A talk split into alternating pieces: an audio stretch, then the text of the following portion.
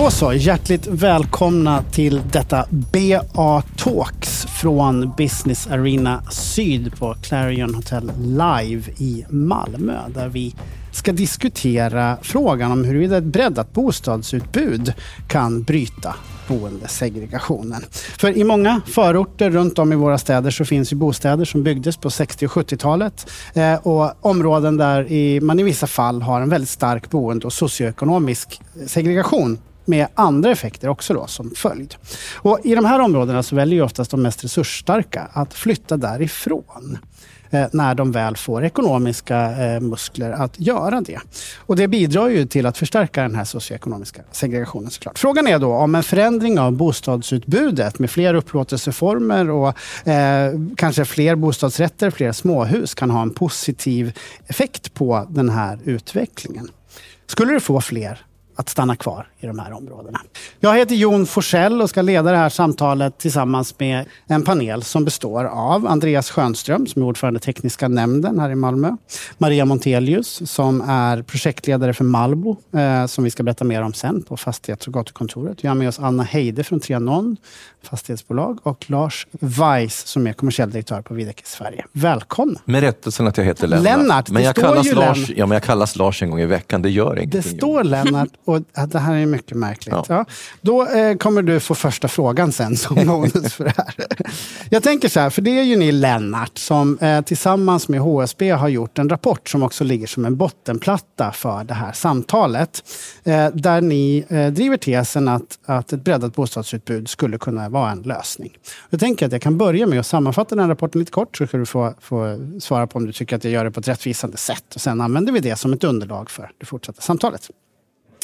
Den här rapporten som ni har gjort tillsammans med HSB eh, eh, föreslår i korthet då att en breddning av bostadsutbudet inklusive fler upplåtelseformer och bostadstyper potentiellt kan stärka en socioekonomisk utveckling i ett utsatt område. Att kommunerna behöver utveckla mark och planpolitik för att bredda bostadsutbudet i de här områdena. Att det behövs en statlig politisk insats eh, som stöd till de här kommunala strategierna eh, för att möjliggöra eh, det här. Och att förslag om investeringar investeringsstöd eller möjligen eh, lättare, lättningar av kreditrestriktioner och utveckling av startlån till exempel skulle kunna vara delar av den här bostadspolitiken. Tycker du att det var en rimligt bra sammanfattning? En... Ganska hyggligt, du får godkänt på det. Tack så mycket Lennart. Nu för, ja. Nej, men alltså fundamentalt så är det ju så här att samhällsproblem har på ett eller annat sätt rötter i samhällsstrukturer. Vill man alltså förändra samhällsproblem så måste man angripa samhällsstrukturer. Det är ganska enkelt. Men det finns ju flera sådana problem som så att säga griper i varandra. Vi säger inte att en förändring av boendestrukturen är den enda åtgärden, men den är viktig. Helt enkelt därför att vi vet att om man eh, samlar människor med en svag socioekonomisk bakgrund i samma område, det vill säga man koncentrerar ekonomiskt fattiga, då skapar det problem. Det skapar problem framförallt för dem själva. De lider brist på sociala nätverk. De eh, bor med andra människor med svaga inkomster, dålig utbildning och därmed så blir det brist på förebilder. Om man bryter de sambanden, om man eh, blandar upplåtelseformer och man gör det möjligt för precis de du adresserade i ditt intro här, människor som börjar sin positiva livsresa, de skaffar sig utbildning, de får högre inkomster. Om man gör, gör det möjligt för dem att bo kvar, då ökar blandningen i det här området. Det skapas förebilder. Det skapas, an, skapas möjligheter att ta rygg på andra människor. Om de flyttar därifrån, vilket vi har många exempel på i Sverige, det där kallas för lyckoparadoxen, då fortsätter de här områdena i en nedåtgående spiral. Då måste du alltså vidta åtgärder som bryter det där. Och om du förändrar samhällsstrukturer, det finns gott om norsk forskning som visar det här, och då pratar vi om upplåtelseformer, bebyggelsetyper och andra fysiska åtgärder som förändrar miljön. Mm. Då, får, då bryter du en del av den här spiralen, men du måste också göra andra saker och det vill jag passa på att säga. Du måste också angripa inkomstutveckling, utbildning, skola, eh, eh föreningsliv, tillgång till arbetsplatser och så vidare. Men de, boendestrukturen har betydelse, ja. Och de delarna återkommer vi till senare i samtalet. Jag tänker att jag skulle bara få höra era reaktioner. Nu, nu eh, hör vi ju att det finns forskning som stödjer detta och rapporten visar det också. Men Anna, vad tänker du? Stö, är, du är du med generellt på grundidén här? Att upplåtelseformer och breddat boende skulle kunna vara en del av lösningen? Ja men absolut, det stödjer jag definitivt. Men precis som Lennart säger också så krävs det ju satsningar på andra, eh, andra delar som inte fungerar, skola, arbetsmarknad och så vidare. Så att enkom bostadsmarknaden kommer ju inte lösa, eh, visserligen segregation, men, men det kommer inte lösa den socioekonomiska eh, situationen helt självt. Men det är ju många av de här miljonprogramsområdena, inte minst Malmö som jag kan väl, eh, där det inte har byggts och förtätats som det har gjort i övriga delar av staden sedan 70-talet egentligen. Mm. För att det är svårt att få ekonomi och vi som privat fastighetsägare, vi måste ju ha ekonomi. Det måste allmännyttan också sedan 2011 ha en affärsmässig grund i de satsningarna man gör. Men det är klart att nya bostäder kommer att till viss del locka grupper att stanna kvar och bo kvar. Men då måste det också bli en hyra eller ett pris på bostadsrätten som man har råd att göra boendekarriär till. Mm.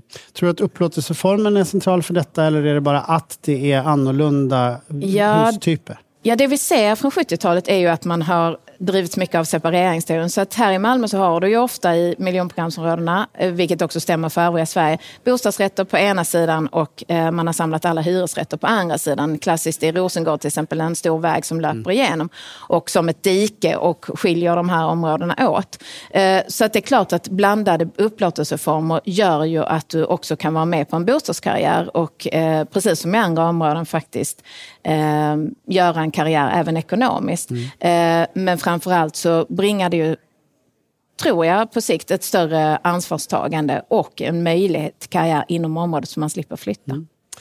Maria Montelius, mm. projektledare för Malbo, mm. som ju är ett eh, samarbets och utvecklingskoncept och partnerskap mellan Malmö stad och bostadsmarknadens aktörer som har som målsättning att testa nya metoder för nyproduktion av flerbostadshus till just då, som du säger Anna, lägre och mer rimlig hyresnivå. Varsågod. Jag kan förklara med en mening vad Malbo är. Det är högkvalitativa bostäder för en god boendemiljö och livsmiljö som fler har råd att bo i. Och eh, som du har sagt så är Malbo ett partnerskap mellan Malmö stad och bostadsmarknadens aktörer. Och eh, genom en eh, öppen markanvisning så har vi eh, eh öppnat upp för marknadens intresse och arbetar med de utvalda aktörerna för att utforma Malbo. Och det som är aktuellt i dagsläget är eh, i ett kommande nytt stadsdelsområde i centrala delarna av Hylje. Eh, och rent konkret så har vi satt en nivå för hyres, eh, eh hyrorna helt enkelt. I kombination med ett ökat krav på social, mer, eh, sociala mervärden och delaktighet. Och vad vi från stadens sida gör är att vi använder våra verktyg i form av avtal och tomträttsavgäld mm. för att möta de här kraven. Vi vill att Malmö ska bli ett boende för alla, som alla har råd att bo i, för våra Malmöbor. Mm. Och vi har ett problem. Vi har, eh, både i Sverige och i Malmö har vi eh, segregerade bostäder och boendeområden. Och vi behöver göra mer. Eh, och Malmö är Malmö allemansrätt boende ett svar på detta. Det handlar om, som du sa, reducerade tomträttsavgälder. Eh, det handlar också om hur man har jobbat med P-norm till exempel och mm. sådana saker. som gör Anna, tycker du att det här är ett bra svar på på din fråga om att få kalkylerna att gå ihop? Mm, det är ju ungefär, eh, jag vet ju var eh, hyresnivån ligger och den ligger på 1400 kvadraten och investeringsstödet hade vi på 1450 innan det togs bort förra året. Mm. Eh, så vi hamnar ungefär där. Vi ser ju väldigt tydligt att de bostäder vi har byggt med investeringsstöd, där får vi det uthyrt på dag ett i princip. Mm. Där är det inga problem. Men där vi nu inte har, eftersom man ryckte bort det här investeringsstödet ganska abrupt och vi låg i planeringen i områden som då inte klassas som lika attraktiva, då har vi utmaningar med att hyra ut. När vi hamnar upp i hyror på 2100-2200 kvadraten, då börjar det bli lite kämpigare i, ett, eh, i en stad som Malmö till exempel. Eh, och då pratar vi inte om långa avstånd från centrum alls. Men ändå, för Malmö ska man ju nämna till skillnad från Göteborg och Stockholm, har inga regelrätta förorter. Alla de här områdena finns inkluderade i staden med ett cykelavstånd på en halvtimme ungefär. Så att vi pratar om väldigt tät stad, mm. men ändå har vi segregerade områden. Så att det är klart att vi behöver tillföra nya bostäder i hela Malmö. Andreas, det politiska resonemanget och anledningarna till att man väljer att göra de här insatserna från er sida. Vill du berätta lite om det? Ja, men det, därför vi helt enkelt måste. Jag menar, det är bara att se analysen av Malmö, Malmös bostadsmarknad är att sju av tio har inte råd att flytta in i de bostäder som har byggts under de gångna åren.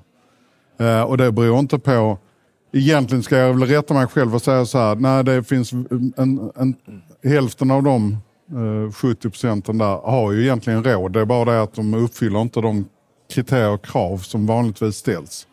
Eh, och sen en tredjedel då saknar köpkraften helt enkelt. Eh, och då måste vi, måste vi få en annan, en annan bostadsmarknad än vad vi har haft. Eh, och göra allt vad vi kan. Men sen tycker jag det är viktigt i det här samtalet att komma ihåg att segregation är, är faktiskt, eh, it goes both ways. Eh, det är ett lika stort problem att vi har eh, områden i Malmö där eh, väldigt många människor inte har råd att flytta in. Eh, och att ska man lösa det här strukturella problemet så behöver man jobba parallellt. Vi behöver liksom både bryta det som finns i, i Rosengård, men vi måste också bryta det som finns i Limhamn och i västra Malmö.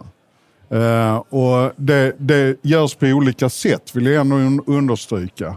Eh, för vi bygger ju blandade upplåtelseformer i västra Malmö också, med bostadsrätter och hyresrätter och liknande. Men där, är, där måste strategin vara mer individbaserad än vad den handlar om, om att liksom vad man fysiskt gör. Det handlar mer om vad man gör socialt.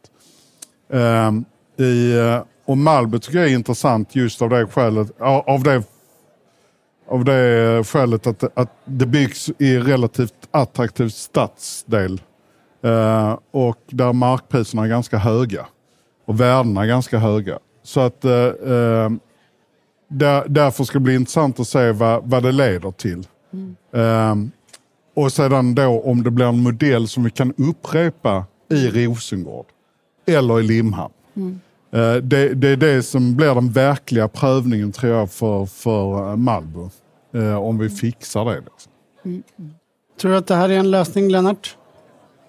Ja, allt som har sagts här är ju dellösningar, men det som saknas det är ju det stora eh, greppet. Alltså det saknas ju seriösa satsningar helt enkelt. Och, och ska man få till det här, då måste det liksom till en, en, ett samlat program där branschen gör sina, tar sin del och stat och kommun tar sina. Och jag skulle nog säga så här, vi ser mer av lovande lokala strategier idag än vi ser nationella. Jag skulle, jag skulle säga att stödet från den nationella politiken är väldigt, väldigt svagt. Därför att du skriver i ditt intro här att byggkostnaden är eh, lika oavsett var du bygger. Men Ja, marken är ju en väldigt väsentlig del av produktionskostnaden och den ser helt olika ut. Så ska du få ihop en kalkyl i de här områdena så behövs det nu ett stöd. Och, och i, den här, I det här läget vi har nu med en faktisk krasch på bostadsbyggandet på säg 80 procent så är ju problemet akut. Det, det är helt kritiskt. Så jag skulle ju vilja se en samlad strategi som, som inbegriper vad branschen kan göra och den kan göra ganska mycket. Jag är ganska förvånad över att jag under alla år som jag har jobbat i den här branschen aldrig har blivit utsatt för att en kommun har ställt ett krav i, en markanvisning att vi ska avdela en viss andel bostäder för sociala ändamål som kommunen kan avropa. Aldrig fått den förfrågan överhuvudtaget. Det tycker jag är märkligt. Där skulle vi kunna bidra, även vi som har jobbat med bostadsrätter och äganderätter. Kommunerna måste naturligtvis bedriva en helt annan typ av samhällsplanering för att få ihop ett samhälle och där har ju kommunen flera eh, verktyg. Till exempel omlokalisera, utlokalisera arbetsplatser, stötta föreningslivet. Ungar vill stå på scenen oavsett om det är på en fotbollsplan eller på en annan scen. De måste stöttas i det. Men sen så måste man ju vidta åtgärder som skapar blandning i olika avseenden. Och nu, här och nu, om man ska göra det med fysiska åtgärder så kostar det. Och har vi liksom inget ekonomiskt stöd i ryggen som typiskt sett måste göras av staten, då kommer det här bli väldigt svårt. Så att jag är bekymrad över att man är beredd att lägga så mycket pengar på åtgärder som parerar samhällsproblemen i efterhand. Alltså poliser, nu ska vi bygga fängelse som bara den. va? Men åtgärderna för att förebygga det här problemet är ju minst sagt svaga och, och, och, och, och tämligen, eh, vad ska vi säga, pliktskyldiga. Ni nickar runt bordet här allihopa. Andreas, jättekort bara. Stämmer din eh, upplevelse av att, att ni som kommun får ta ett större ansvar nu för fler frågor, både avseende då den här ekonomiska eh, delen, men också det som Lars är inne på, att man också behöver backa upp med fler aktiviteter då i ett socialt utsatt område för att området ska bli attraktivt sen? Ja, men, men så är det ju definitivt. Och det stora bekymret kan man väl säga så här att, att eh, vi hade ju till exempel Trianon där vi försökte hjälpa er att lösa finansieringen för Rosengårds centrum genom att koppla en markanvisning till Hylje då. Så att man fick mark någon annanstans i stan som var mer värd och på det sättet kunde hjälpa till att bära upp finansieringen på det man vill göra i Rosengård. Eh, Egentligen så är detta, menar jag, precis som du säger, en, en statlig insats som krävs. vi behöver också fundera på, eh, därför att vi under de gångna åren har det ju även under, under mitt partis regeringstid varit Som är slapp. socialdemokrat. Ja, jag är socialdemokrat. Det är ju slapp bostadspolitik. Alltså vi har haft investeringsstödet, ja. Men samtidigt så har vi haft ränteavdrag och en räntepolitik som har byggt på att vi har drivit upp eh, eh, eh, priserna så högt. Så att, återigen, segregation sker på, i alla områden. Så att i de områden där man skulle kunna få de här nätverken och så gratis har folk inte råd att flytta in. Därför att där har priserna blivit så höga på grund av annan politik. Och det är det jag menar att eh, jag, jag, tror, jag håller helt med om det. det, det liksom, vi kan göra väldigt mycket till en viss gräns kommunalt. Men någonstans måste staten också ta ett helhetsgrepp och fundera på alla de trådar vi har nu som berör bostadsmarknaden. Hur äh, länkas de egentligen ihop? Vad säger du Anna om det?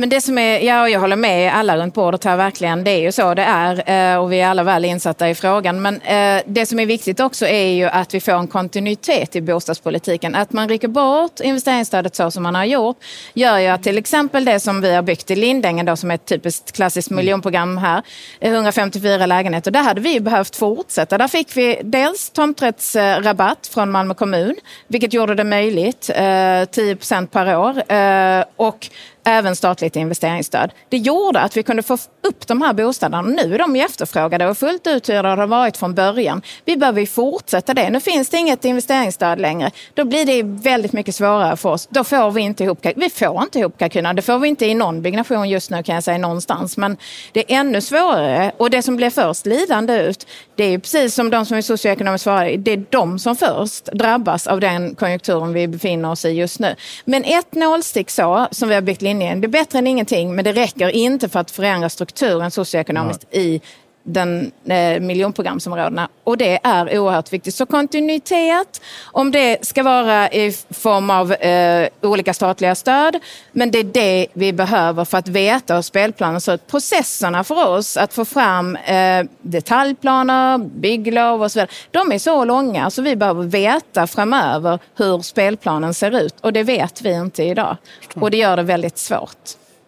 Maria, du ska få avsluta genom att delge bara erfarenheten av att jobba tillsammans med fastighetsbranschen. För det som du säger Lennart, det finns ett engagemang. Vi pratar om ett starkt kommunalt engagemang, efterlyder ett, ett, ett, ett tydligare statligt stöd och en, en, en, tydligare riktning som är mer långsiktig. Men du har ju hands-on i Malbo jobbat tillsammans med fastighetsägare kring de här frågorna. Hur har det varit? Hur upplever du engagemanget för frågan här lokalt? Jo, men det, de erfarenheter vi har än så länge är ju baserade på den markanvisning som vi genomfört och den byggaktörsdialog som pågår. Och det fanns ett jättestort intresse. Marknaden vill vara med och bygga för fler. Det är den absolut starkaste signalen. Och även om marknadsläget är tufft i dagsläget så finns det fortfarande detta engagemang. Och eh, jag tror att genom Malbo så har vi en möjlighet att bygga mer hållbara städer och en möjlighet för branschen, vi som sitter här idag och folk i publiken att inspireras och jag hoppas att det kommer att bli ringen på vattnet. Det tror jag vi alla hoppas. Det vore fantastiskt om vi kunde hitta en modell för detta. Eh, vi behöver avrunda samtalet nu givet att vi har fler programpunkter och fler poddar att spela in. Jag tackar er så jättemycket Andreas, Anna, Lennart och Maria för att ni deltog. Samtalet fortsätter säkert och fortsätt kämpa för att minska boendesegregationen på era olika täter. Tack för att ni var med. Tack själv. Tack så mycket.